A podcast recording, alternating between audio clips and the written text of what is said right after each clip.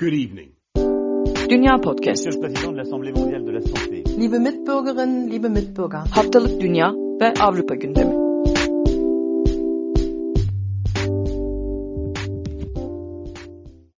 Podcast'ten herkese merhaba. Ben Seda Karatabanoğlu. Program partnerlerim Nida Dinçtürk ve Akın Art'la birlikte son programda size Avrupa'nın gündemini aktarmak üzere bir araya geldik. Bugün 28 Mayıs, Cuma. Öncelikle Fransa gündemini aktararak ben başlayacağım. Ee, tabii ki podcast'in ilk programından bu yana konuştuğumuz COVID-19 salgınına dair nihayet son programda güzel haberler verebiliyorum. Fransa'da geride kalan haftada COVID-19 vakaları 15 binin altında seyretti. Hatta iki gün arka arkaya 2000 ve 3000 sayılarını gördü. Bu elbette Ocak 2021'de aslında 5000 bandına vaka sayılarını çekmeyi planlayan Fransa için önemli bir gelişme. Elbette ki bu Vaka sayılarının düşüşünde aşı çalışmasının hızlanması etkili oldu. Fransa'da 28 Mayıs itibariyle nüfusun %36'lık kısmı ilk doz, %17'lik kısmı ise ikinci doz aşısını aldı. E, Fransa'da toplumun bu hastalığa karşı bağışıklık kazanabilmesi için e, %60 oranında aşı olması gerekti. Yetkililer tarafından sık sık dile getiriliyor. Yine e, aslında simgesel bir aşı merkezi açıldı Fransa'da iki gün önce. Versailles Sarayı geçici aşı merkezine çevrildi. Basına yansıyan görüntülerde hem doktorların, hemşirelerin hem de oraya aşı olmak için giden insanların bu durumdan çok memnun olduğu yansıyordu ve sarayın yönetiminden sorumlu Catherine Pegard da 16. Louis'de 1774 yılında burada çiçek aşısı olmuştu. Bu şekilde tarihimizi devam ettiriyoruz dedi. Versailles Sarayı'ndaki aşı çalışmaları 29 Mayıs'a kadar sürecek. Son olarak Fransa dönüşte karantinaya girmesi gereken ülkeler arasına İngiltere'yi ekledi. 10 gün zorunlu bir karantina var e, Fransa'ya girişte bazı ülkelerden. Bu ülkelerden biri de Türkiye artık İngiltere'de bu ülkelerden biri. Sebep olarak ise İngiltere'de artan Hindistan vaka, varyantı vakaları gösterildi. Ek olarak e, Fransa'da yayın yapan Türkçe e, sitelerde de Türkiye'den gelenlerin evine sık sık polis ve jandarmaların kontrole gittiği, karantina kurallarına uyup uyulmadığına dair kontrol yapıldığı yazılıyor. Yine Fransa'da geçmişine dair bir gündemle devam ediyorum. Dün 27 Mayıs'ta Macron, Cumhurbaşkanı Macron 1994 yılında gerçekleşen Ruanda katliamında Fransa'nın sorumluluğunu kabul etti. E, soykırımın 27. yıl dönümünde Ruanda'ya bir e, ziyaret gerçekleştirdi ve bu ziyarette e, başkent Kigali'deki yüz binlerce Tutsi'nin mezarını ziyaret etti. Oradaki soykırım anıtını ziyaret etti ve sonrasında bir basın açıklaması yaptı. Basın açıklamasında bugün buraya sorumluluğumuzu teslim etmeye geldim. Sizlerden af diliyoruz. Evet Fransa uyarılara kulak asmayarak soykırımcı bir rejimin yanında durdu. Ancak fiilen soykırımın suç, suç ortağı değildi dedi. Macron e, af diledi, mağdurlardan af diledi ancak özür dilemedi. Sorumluluğu kabul etti sadece. Özür dilememiş olması da bence önemli bir nokta. Macron'a Mart ayında Ruanda soykırımı ile ilgili bir rapor sunulmuştu ve raporda Fransa'nın soykırımda ağır bir sorumluluğu ve ihmali olduğu söyleniyordu. Ancak fiili olarak herhangi bir e, etkisinin, bir suçunun olmadığı belirtiliyordu. Dönemin Cumhurbaşkanı François Mitterrand'ın soykırımda e, önemli bir e, rol aldığı söylenmişti. Hatta o dönem Mitterrand'ın bu tür ülkelerde böyle soykırımlar olabilir gibi açıklamaları da basına yansımıştı. Fransız askerlerinin Ruanda'daki sivillerin yani özellikle Hutulara e, askeri eğitim yani silah kullanma eğitimini verdiğini e, o dönemde bir asker Fransız televizyonlarında söylemişti. Her zaman olduğu gibi Fransa şu an bunu da reddediyor ama ben bunu bir asker olarak size doğruluyorum e,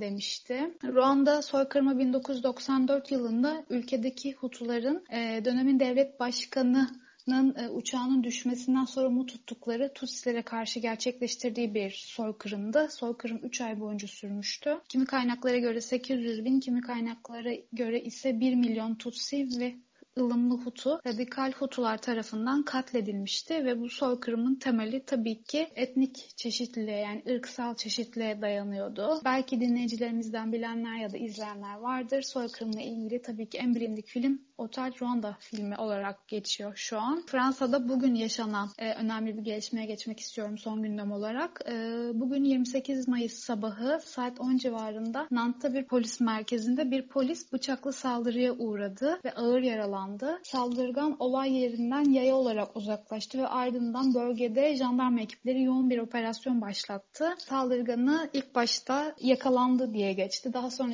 yaralı yakalandı diye geçti. Basın en sonda ise saldırganın hayatını kaybettiğini söylediler. Fransız basınında aslında saldırganın daha öncesinde devletin radarına girdiğine dair bilgiler var. Saldırgan daha önce farklı suçlardan cezaevinde kalmış ve bu dönemde kendisine şizofreni teşhisi konmuş ve yine cezaevinde kaldığı dönemde İslamcı radikalleşme belirtileri gösterdiğine dair e, raporlarda yer alıyor. Polis kaynaklarınca e, radikal İslam'a yöneldiği biliniyor.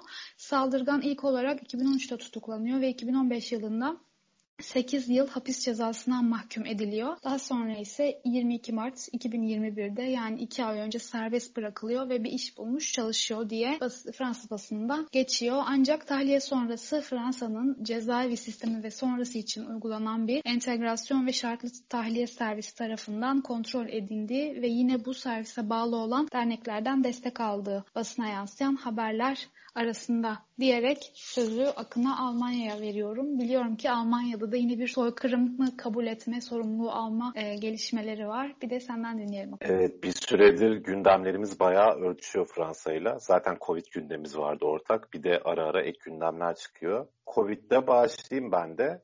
Geçen hafta dediğimiz gibi aslında işler iyiye gidiyor artık Almanya'da. Fakat bununla ilgili bir takım tartışmalar da olmuyor değil. Onlara da kısaca değineceğim.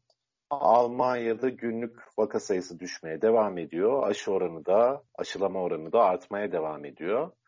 10 binin altında genellikle seyreden bir günlük yeni vaka sayısı var. Bugün açıklanan bir önceki günün verisi 7830 mesela. Ee, ve yine bugün itibariyle en az bir doz aşı olanların oranı %42.1, tamamen aşılananların oranı da %16.4 e, milyona yakın bir günlük aşılama oranı var. Dün mesela 994 bin, 155 bin kişi aşılanmış. Bu konuda vitesin arttırıldığını, gaza basıldığını daha önce söylemiştik. Bu durum aynı şekilde sürmeye devam ediyor. Bununla birlikte Sağlık Bakanı Jens Spar'ın e, yaptığı bir açıklama bir ayrımcılık e, tartışmasını ateşlemiş oldu. Jens Spahn Türkiye ve Balkanlara yapılan aile ziyaretlerinin 2020'de dönem dönem her iki vakadan birine neden olduğu ve bu yılda benzer bir durumla karşılaşılabileceği uyarısında bulunmuş. Yani Almanya'daki vaka artışlarının sorumluluğunu Türkiye ve Balkanlardaki aile ziyaretlerine yıkmış olmuş. Buna hem göçmen kökenli siyasetçilerden, göçmen gruplarından tepki geldi hem de halktan ciddi bir tepki geldi. Gelmemesi de zaten biraz bence saçma olurdu. Çünkü Jans Spahn bildiğiniz gibi burada da bu programda da defalarca bahsettik. Verdiği sözleri şimdiye kadar yerine getirmek konusunda oldukça geç kalmış ve çok da iyi bir Sağlık Bakanı profili çizememiş bir figürdü şimdiye kadar. Bir de üstüne olayı Almanya'nın zaten oldukça hassas olduğu böyle bir ayrıma getirince büyük bir e, tepki çekti. Tepkiler üzerine bir takım ek açıklamalar yaptı. Eğer enfeksiyonun olduğu ülkelere bakarsanız ilk 10 ülke arasında özellikle Balkan ülkeleri, Türkiye ve Almanların seyahat ettiği diğer tipik tatil ülkeleri olduğunu görebilirsiniz demiş. Batı, Balkan ülkeleri ve Türkiye'ye seyahat edenlerin çoğunlukla orta yaşlarda ve çocuklu aileler olduğunu, bu kişilerin de çoğunlukla aile ziyaretleri gerçekleştirdiğini, aile ziyaretlerinde virüsün bulaşmasında etkili olduğunu söylemiş. Şimdi bunda bilimsel olarak doğruluk payı nedir, ne değildir vesaire bunun için açıp verilere bakmak lazım. Fakat aile ziyaretinde bulunan göçmenlere yıkmak yani bu kadar spesifik bir takım tahminler yapmak bilimsel olarak çok kolay temellendirilebilecek şeyler de değil açıkçası. Bunun arkasında bir tür kötü niyet sezmek bence fazlasıyla mümkün. Yalnız belki önce kendi işini yapması, doğru dürüst sonra halkı suçlaması daha makul olabilir bu konuda. İlla böyle çok ciddi bir e, hotspot tespit ettilerse bu seyahatler aracılığıyla gelişen o zaman yasaklasınlar bu seyahatleri. Ona göre hareket etsinler. Fakat hem ortada illegal bir durum yok hem zaten bir sürü test yaptırmanız lazım gelirken giderken. Gidip gelmek zaten çok zor.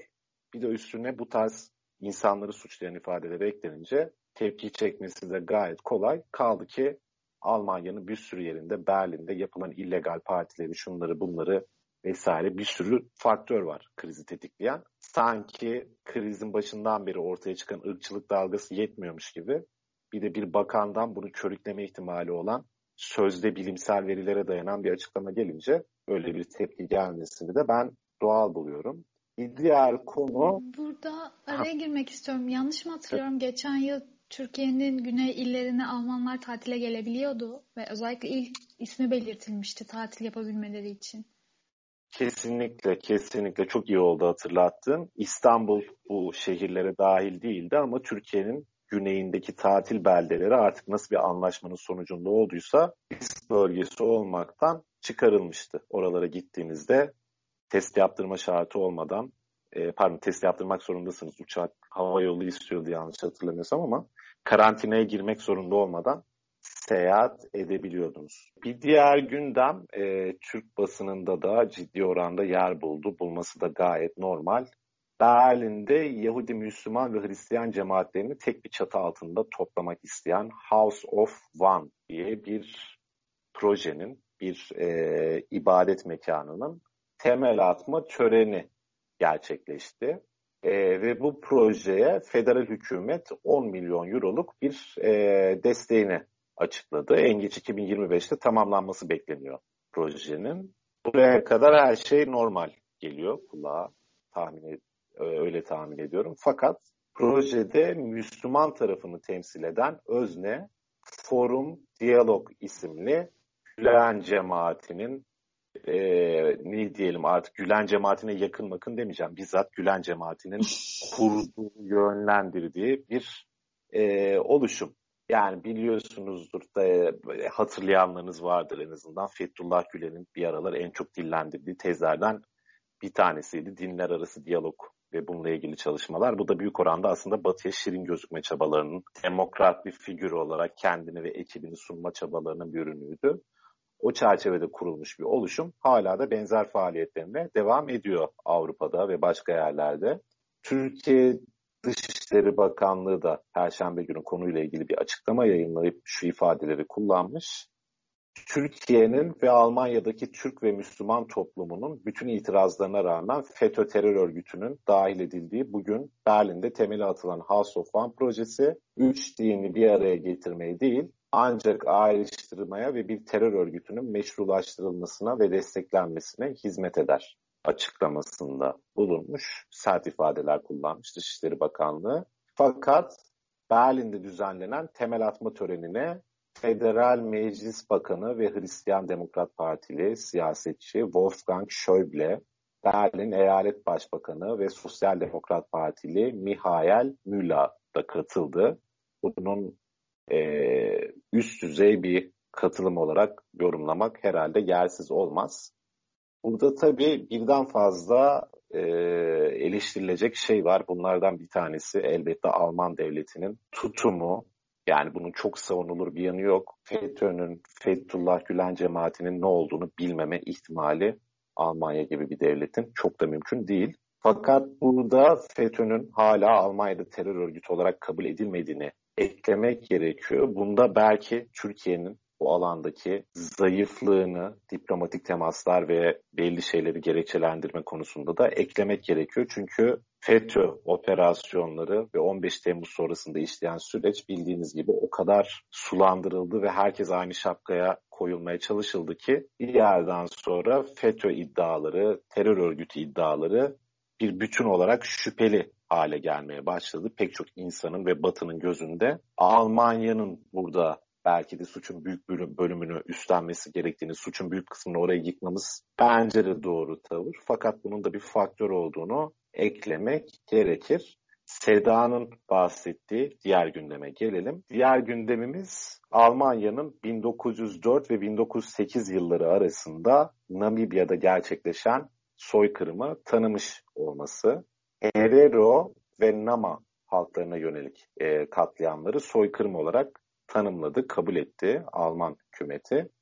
Soykırıma maruz kalanların torunlarından Almanya adına Cumhurbaşkanı Frank-Walter Steinmeier e, Namibya parlamentosunda düzenlenecek bir resmi törenle özür dileyecek.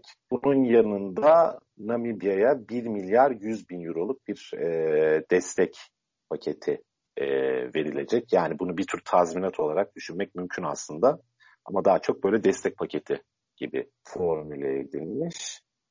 Her iki ülke arasında bu konuyla ilgili yaklaşık 5 yıldır, 2015'te yanlış hatırlamıyorsam başlamış bir e, süreç vardı. Onun devamı olarak bir takım diyaloglar geliştiriliyordu zaten. E, bununla ilgili en son Dışişleri Bakanı Hayko Maas bir açıklama yaptı ve Namibya ile ortak tarihimizin en karanlık bölümünü ortak bir biçimde ele alma konusunda uzlaşmaya varabildiğimiz için memnun ve müteşekkirim demiş. Tarihine çok kısaca bakıp hatırlayacak olursak 1884 ve 1915 yılları arasında Alman İmparatorluğu'nun bir sömürgesi bugün bahsettiğimiz bölge ve tarihçilerin bir kısmı Namibya'da yaşananları 20. yüzyılın ilk soykırımı olarak tanımlıyorlardı. E, bu Alman devletinin de kabul etmesiyle birlikte zaten bu meselede yani ilk midir bilmiyorum ama tescillenmiş oldu en azından bu nitelikte tanımlanması gerektiği. Bu süreç çerçevesinde 65 ila 80 bin arasında Herero ve 10 ila 20 bin arasında Nama'nın hayatını kaybettiği tahmin ediliyormuş. Benim aktaracaklarım bu kadar. İyi gündemlerle başladık, iyi bir gündemle başladık daha doğrusu. Sonra tatsız olanlar geldi. Ben sözü Nida'ya bırakayım. Belki onun daha güzel verecek haberleri vardır. Biz geçen hafta verdik biraz iyi haber ama ben bu hafta yoktum. da belki bu hafta daha olumlu bir şekilde belki kapatabiliriz yine. Ee, ya evet aslında böyle orta halli haberler var. Kötü haber yok, muhteşem haber de yok diye başlayabilirim. Ee, neler konuşuldu geçen hafta e, İngiltere'de?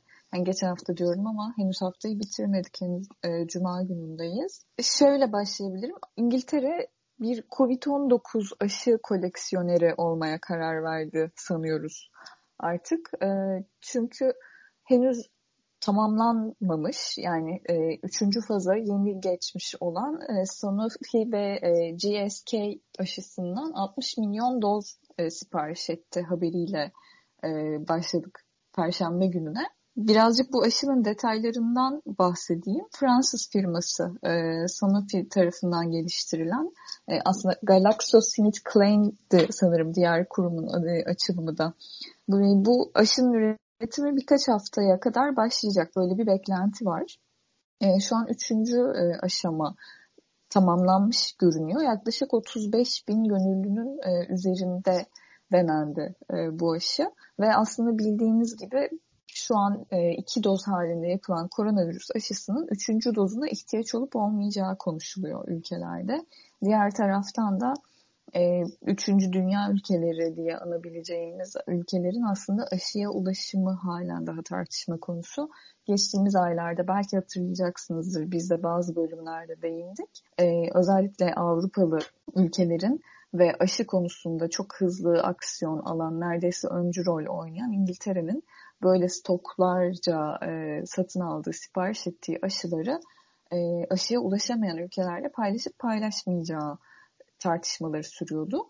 Bunlar henüz bir karara bağlanmamışken az önce de belirttiğim gibi henüz üçüncü aşaması tamamlanmış aşıdan e, 60 bin doz sipariş e, edildiği haberi geçti e, Sky News tarafından. Tabii e, açıkçası bu aşının halihazırda kullanılan e, işte BioNTech ya da Pfizer aşılarına göre e, saklama koşulları nedir? Haliyle alınan bu 60 bin doz aşı ne kadar bir süre içinde e, kullanılacak ve nasıl bir doz hesaplaması yapılıyor? Buna dair detaylar henüz netleşmiş değil. Ee, ama şöyle bir pandemiyle geçen bir yıla baktığımız zaman zaten e, İngiltere adına ne kadar karamsar tablolar e, konuştuğumuzu hatırlayacaksınızdır. Dünya Podcast'in haricinde de aslında birçok e, haber kanalının, dünyanın dört yanında haber kanalının e, ilgisini çekiyordu maalesef İngiltere'deki kötümser tablo. Bu kötümser tabloyu aslında tam bir aşı mücadelesiyle e, yok etmeye çalışıyor İngiltere. Ama dediğim gibi bir yandan da bunu yaparken e, aşıya henüz ulaşamayan ülkelerin satın alması gereken dozların da e, biraz hakkının yendiğini düşünüyorum ben kendi adıma. Bundan bahsetmişken e, biraz bu konuyla bağlantılı bir detaya yer vermek istiyorum. Yine hatırlayacaksınızdır birkaç haftadır İngiltere'de süren bir gerilim var. Ee, Başbakan Boris Johnson'ın eski baş danışmanı Dominic Cummings'in çeşitli açıklamaları olmuştu. Hali hazırda şu an e, İngiltere parlamentosunda yürütülen bir soruşturma var. Hükümetin e, salgın sırasında izlediği politikalar e, inceleniyor bu soruşturmada. Tahmin edersiniz ki birçok açıdan tartışmalar söz konusuydu ve e, nihayet gündeme geliyor tek tek e, tartışmalar ele alınıyor. Elbette bu soruşturma sırasında e, eski baş danışman olarak Cummings'e de çeşitli sorular yöneltildi. Çünkü kendisinin aslında bu salgın sırasında yürütülen politikada e, kilit isimlerden birisi olduğu düşünülüyordu. Birazcık da aslında hükümetin salgın sırasında çelişkili ifadeler kullanmasına neden olan kişi olarak Johnson'la yollarının ayrıldığı söyleniyordu Cummings'in. E, bu soruşturma sırasında Cummings'e sorulan sorular e, elbette hükümetin izlediği sağlık politikalarıyla ilgiliydi ve Cummings çok açıkça hükümetin salgına yönelik e, yaklaşımını yanlış bulduğunu söyleyip Sağlık Bakanı Matt Hancock'u e, defalarca yalan söylediği, bununla beraber aslında çok sayıda da hata yaptığı e, gerekçesiyle görevden alınması gerektiğini söyledi. E, Cummings hükümetin e, ilk salgın planının sürü bağışıklığı politikası e, izlemek olduğunu, toplumun bağışıklık geliştirmesi için de virüsün yayılmasına izin verdiğini iddia etti. Ama aslında bu bir iddia değil yani. En başından beri konuştuğumuz e, hükümetin de çok açıkça biz sürü bağışıklığı izledik evet demese de e, dolaylı ifadeleriyle bunu itiraf ettiğini düşünebileceğimiz bir durum. Cummings bir öz eleştiride bulundu. Toplumun bize en çok ihtiyaç duyduğu dönemde hata yaptık e, dedi. Ve aslında e, Boris Johnson'ın da pandeminin başında e, pandemi bir korku hikayesi ve yeni bir domuz gribi olarak tanımlayıp aslında küçümsediğini e, ifade etti. Ama dediğim gibi aslında bunlar e, çok da yeni haberler değil. Çünkü çok uzağa gitmeye gerek yok. Çok basit bir arşiv e, araştırmasıyla Boris Johnson'ın geçtiğimiz yıl Mart ayında hastaneye gidip e, koronavirüslü hastalarla da tokalaştığını söylediği basın toplantısı kayıtlarına ulaşabiliyoruz. E, bu soruşturma devam ediyor. Tabii bununla ilgili önümüzdeki günlerde e, ne gibi çıktılar olacak e, bunu bilmiyoruz. E, ama bu soruşturmanın hükümet adına sarsıcı e, itiraflarla sonuçlanabileceğine inanıyoruz bir taraftan da.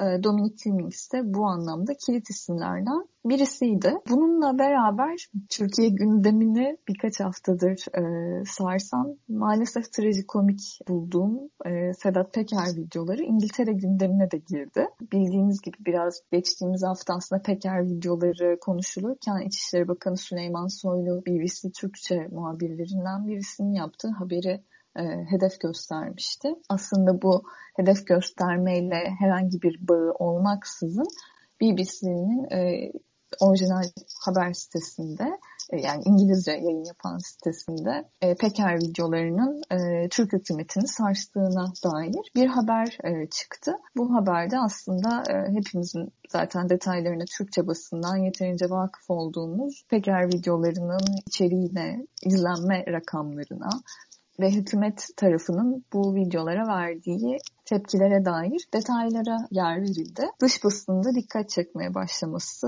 bence yani İngiltere gündeminde çok büyük bir yer kaplamasa da bu noktalarda yaşayan Türkiye'li haber tüketicileri için dikkat çekici bir başlık olmuştu. Akın'ın iyi haber talebine belki yanıt verebileceğini düşündüğüm son haberi de aktarayım. Maalesef ki biz böyle hani e, geride kalan sezon boyunca çok gerçekten yürek ferahlatıcı ya da e, yüz gülümsetici haberlere yer veremedik. Çoğunlukla pandemi yüzünden.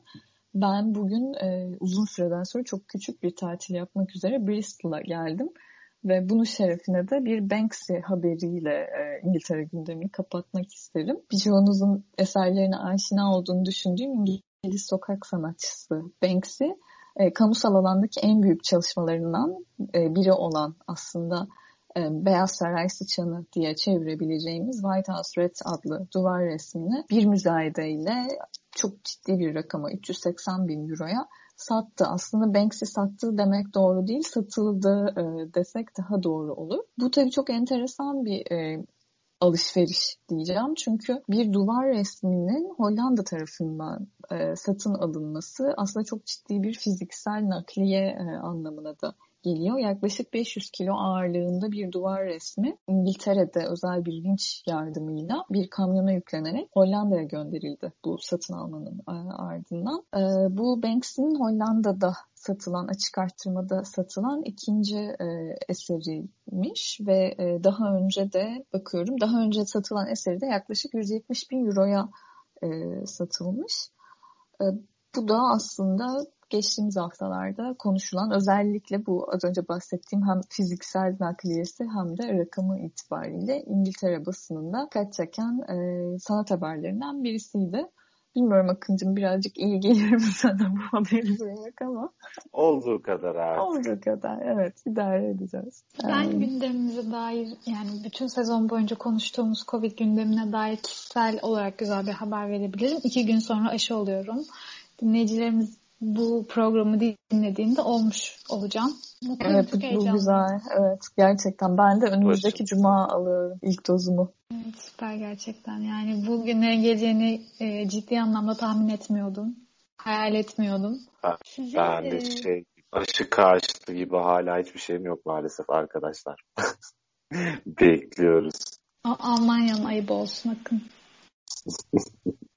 Evet ya bu kadar aşı haberi tartışırken aslında bir noktada da böyle e, gerçekten off the record kayıt dışında bir an durup birbirimize bir dakika ya işte Pfizer aşısı bu kadar tartışmalı biz sıra geldiğinde Pfizer olacak mıyız dediğimizi e, hatırlıyorum. AstraZeneca.